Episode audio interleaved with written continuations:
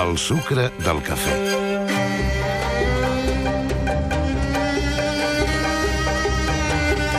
El Tribunal Constitucional acaba de qüestionar de nou l'autonomia catalana amb l'admissió a tràmit del recurs del govern espanyol contra la llei que prohibeix el fracking o fractura hidràulica. La norma ha quedat suspesa. Catalunya no és l'única que pretenia prohibir aquesta tècnica d'extracció de gas. També ho van fer els parlaments de Cantàbria, Navarra i La Rioja. El govern espanyol hi va presentar un recurs i el Tribunal Constitucional ja li ha donat la raó en els casos de Cantàbria i La Rioja. El fracking és una tècnica molt discutida a tot el món. Consisteix a extreure el gas natural acumulat en els poros i les fissures de certes roques sedimentàries.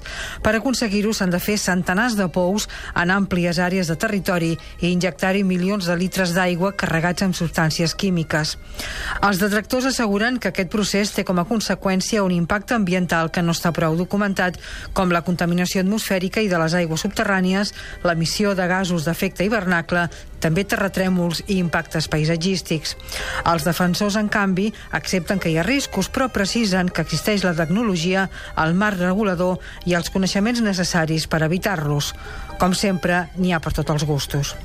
El govern espanyol, a la pàgina web del Ministeri d'Indústria, reconeix l'elevada dependència dels hidrocarburs de la demanda energètica, que és de dues terceres parts, però al mateix temps castiga els productors d'energies renovables.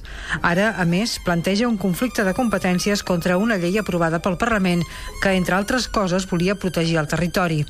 En contraposició, és inevitable pensar a quins interessos econòmics beneficia la defensa espanyola del fracking.